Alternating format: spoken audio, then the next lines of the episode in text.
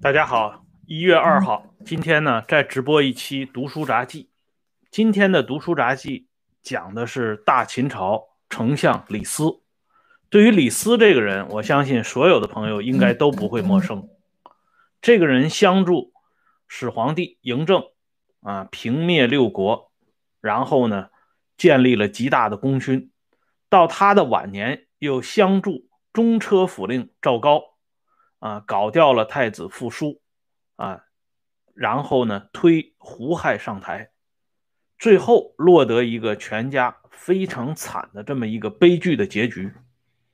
那么今天我们通过这期读书杂记，来回顾一下这位距离我们今天已经两千多年的这个古人，他可以是说得上咱们中国实用哲学和帝王术的。典范级人物啊，这个人他所做出的种种贡献，嗯，咱们今天通过这个节目都可以一起来了解。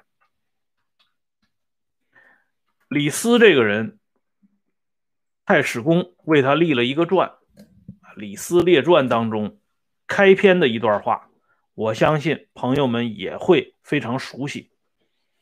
李斯。很年轻的时候，就通过自己的观察，发现这老鼠其实没啥区别，区别的是它处在什么样的位置，它置身于一个什么样的环境。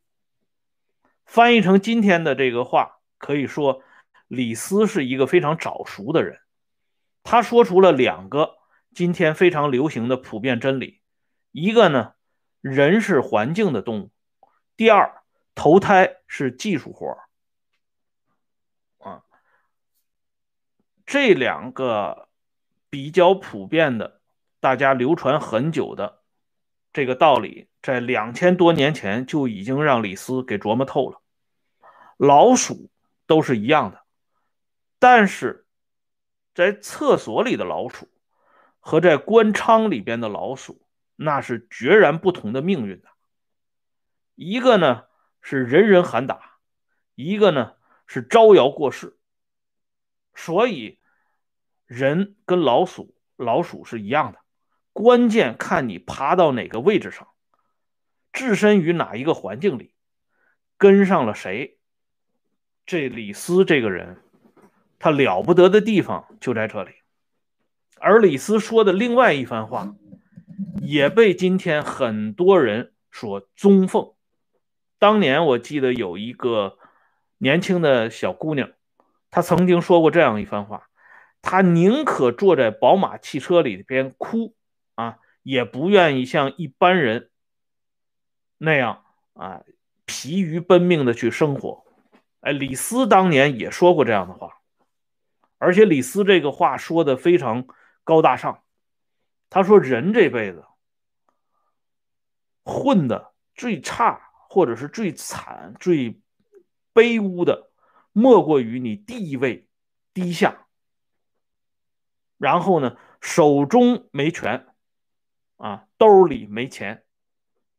所谓有钱人终成眷属，那在李斯的心目中早已经被视为信条。”既没有权也没有钱，那么你在这个世上就不应该活着。我们都知道，李斯和韩非都是荀况的学生，就是荀子的学生。而荀子虽然是法家的啊领军人物，但是他有一部分学问还来自于孔夫子。说白了，荀况啊嘴里呢。喊着法家，兜里呢，其实还装着一部分儒家。儒法原出一道，这荀老夫子还希望这个法家的东西要套上儒家的外套，啊，讲求仁义道德。可是他这两个学生跟他老师的观点是决然不同的。咱们就说一下韩非，啊。这个人了不得，他是中国帝王学的集大成者。咱们先说韩非，所以才能衬托出李斯的厉害。韩非就是死在李斯的手里嘛。韩非这个人，他的孤愤无睹这种政治散文传播以后，被嬴政给看到了。秦王政看到这个东西之后，说了一个狠话。他说：“这个人是什么人？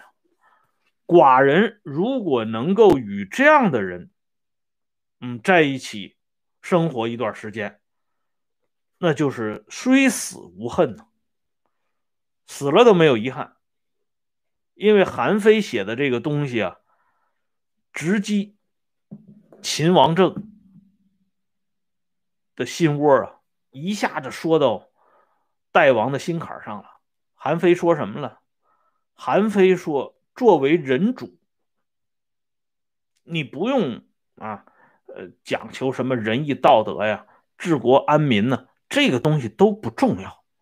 人主就是抓住两把刀子，只要抓住这两把刀子，你这当主子的就合格了。”屁股呢就能坐稳了，一个是势，啊势力的势，一个是术，权术的术。韩非进一步解释什么叫势，什么叫术。势呢，就是要给所有的这些奴才们、臣子啊、老百姓啊，都是奴才，反正要给他们造成一种极端可怕的氛围。让他们在这种氛围当中战战兢兢、如履薄冰的活着，他们每时每刻都会感觉到威胁降临，所以他们谁也不敢反抗，脑子里除了想每天能够苟活下去啊，哪怕活到第二天早晨，这一也已经就足够了。要造成这种氛围。第二个呢？要使用权术，主子和臣下之间没有感情可言。你要动了感情，那你就不是主子了，你就完蛋了。哎，所以只能用权术对待所有的属下，不要玩真感情。而且韩非第一个提出来，主子诛杀臣下，这国王啊。国君呢，杀底下的大臣，不论这个大臣是好的还是坏的，都是活该。因为主子杀奴才，这是天经地义的。对于主子来说，不要有任何的愧疚啊，不要有任何的忏悔，那你就不是主子了。这就是韩非啊，给中国，给这盐碱地定的主基调。可悲的是啊，后代都是不断的向韩非的这套理论靠拢和学习，只不过呢，学的还不够，还在不断的精进、发展、完善。所以说，这个中华传统文化确实是在世界上啊，在这个收拾人这个问题上是极度早熟的，完全领先全球其他国家的。哎就是因为有了韩非这样可爱的人，啊，可以说是最可爱的人。但是，咱们知道长江后浪推前浪，这前浪必须死死在沙滩上，因为李斯出现了。李斯比韩非还要厉害。李斯跟韩非唯一不同的是什么呢？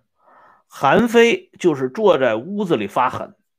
啊，写文章，告诉这些君王们，你们应该去怎么收拾这些人。李斯，人家功夫出在脚下，人家不满足于读万卷书，人家要行万里路。你在屋子里著书立说算什么呀？我要在庙堂上，既掌握大权，啊，也这个赚大钱，什么都有。哎，所以李斯。把韩非的这套东西进行一下小小的包装，然后转化成自己的思想，向吕不韦、向始皇帝进行灌输。事后证明非常成功。但是既然啊已经有了自己的这套东西，那么作为始作俑者的韩非，那就不方便再留在世界上了，因为韩非活着对李斯来讲是一个危险。况且这个人经常会写一些让啊始皇帝拍案叫好、击节叫好的东西，那怎么能行呢？不行的，所以必须干掉。哎，李斯出山以后最大的杰作就是把同门师兄弟韩非给搞死了。韩非死的不冤啊，因为。你是死在自己炮制的这套理论学说当中，啊，所谓死得其所。哎，李斯他在离开老师荀况之前，准备到秦国去服务了。李斯他是楚国人呢，但是他看出来这楚国没希望，这楚国太讲究仁义道德了，在这个世道上。凡是讲究仁义道德、讲究良知底线的都没戏。李斯要投奔光明去了，哎，所以呢，李斯和荀况之间还曾经有过一次辩论。李斯是这么说的啊，他说呀：“我现在要去秦国，啊，非以仁义为之也，以便从事而已。”这番话。是出自于《荀子·易兵》这里边，这话翻译成现代话就是实用哲学。这是李斯一生最重要的人生哲学，就是仁义、道德、底线、良知，通通的放一边什么东西最管用？什么东西最直接？什么东西能够马上的立竿见影？我就奔什么东西去。这荀况一听自己的学生教了半天，居然教出这样的学生，他就生气了。啊，荀况就说了李李斯几句，他说：“你搞的这个东西不行，你不讲究仁义道德，怎么能行呢？”啊，把这学生训了一通。但是李斯根本不在意。李斯的话讲：“垢莫大于卑贱。”而卑莫甚于穷困。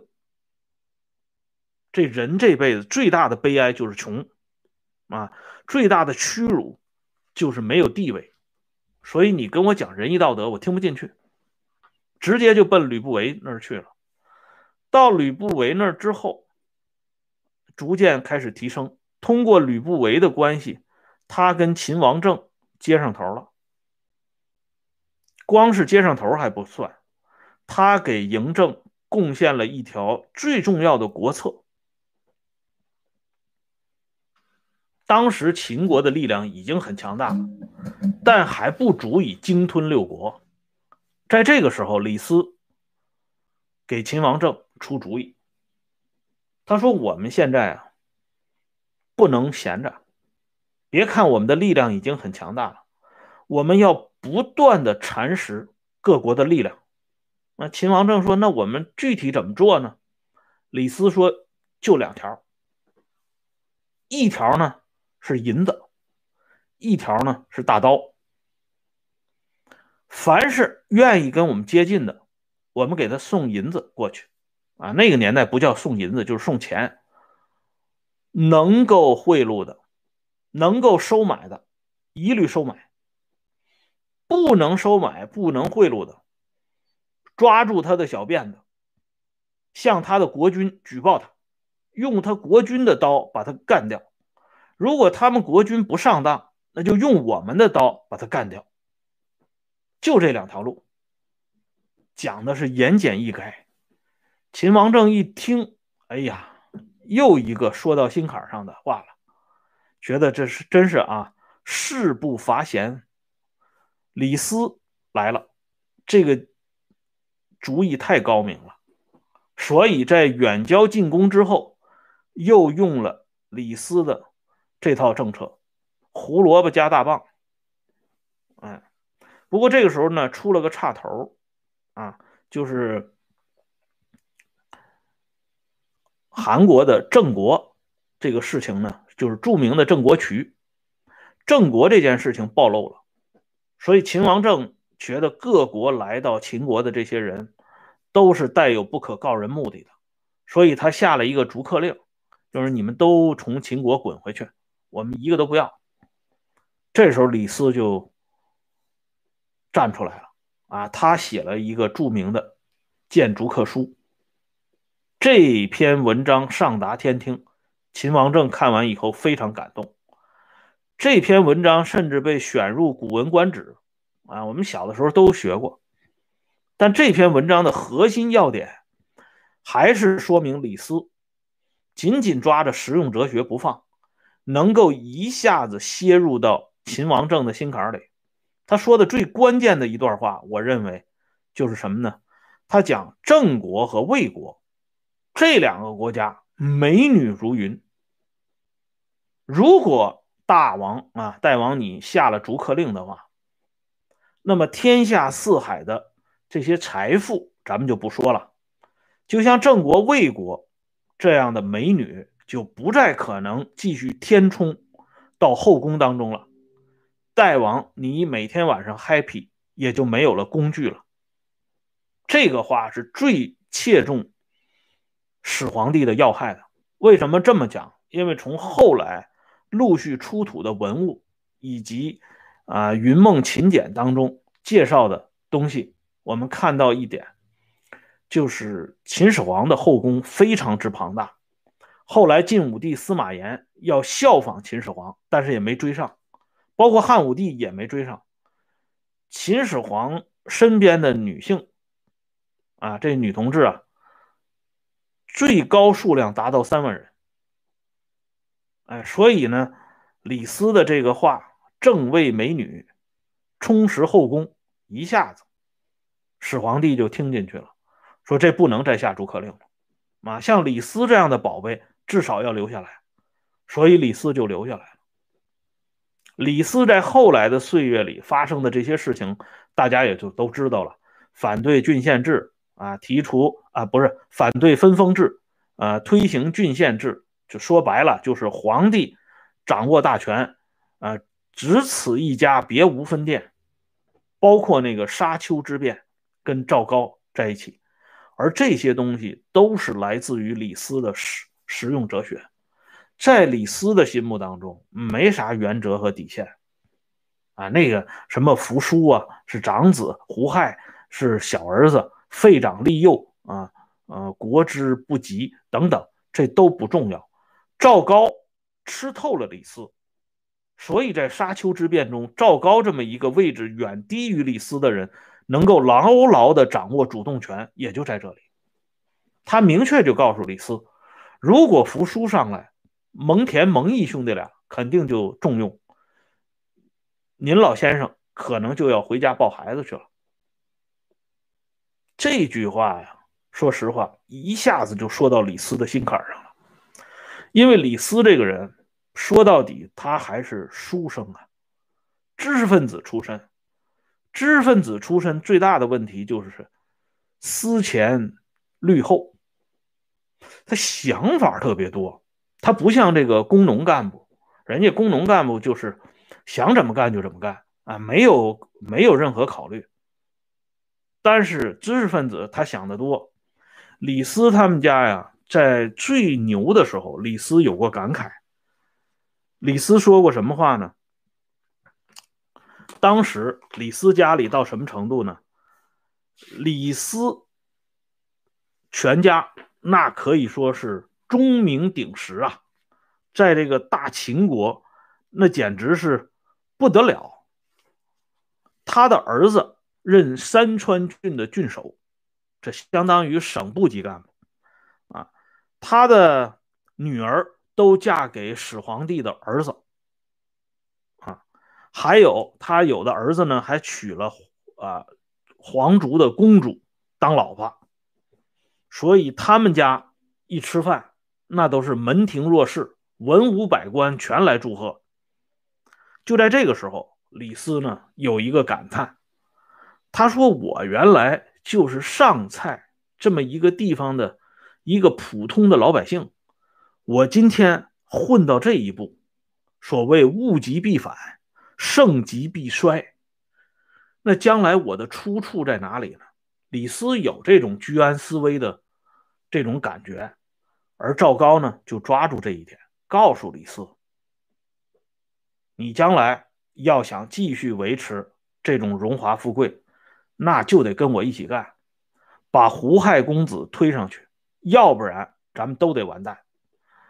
赵高完蛋无所谓，赵高本来就是个小人物，他就活该完蛋。可您李斯大人不一样啊！”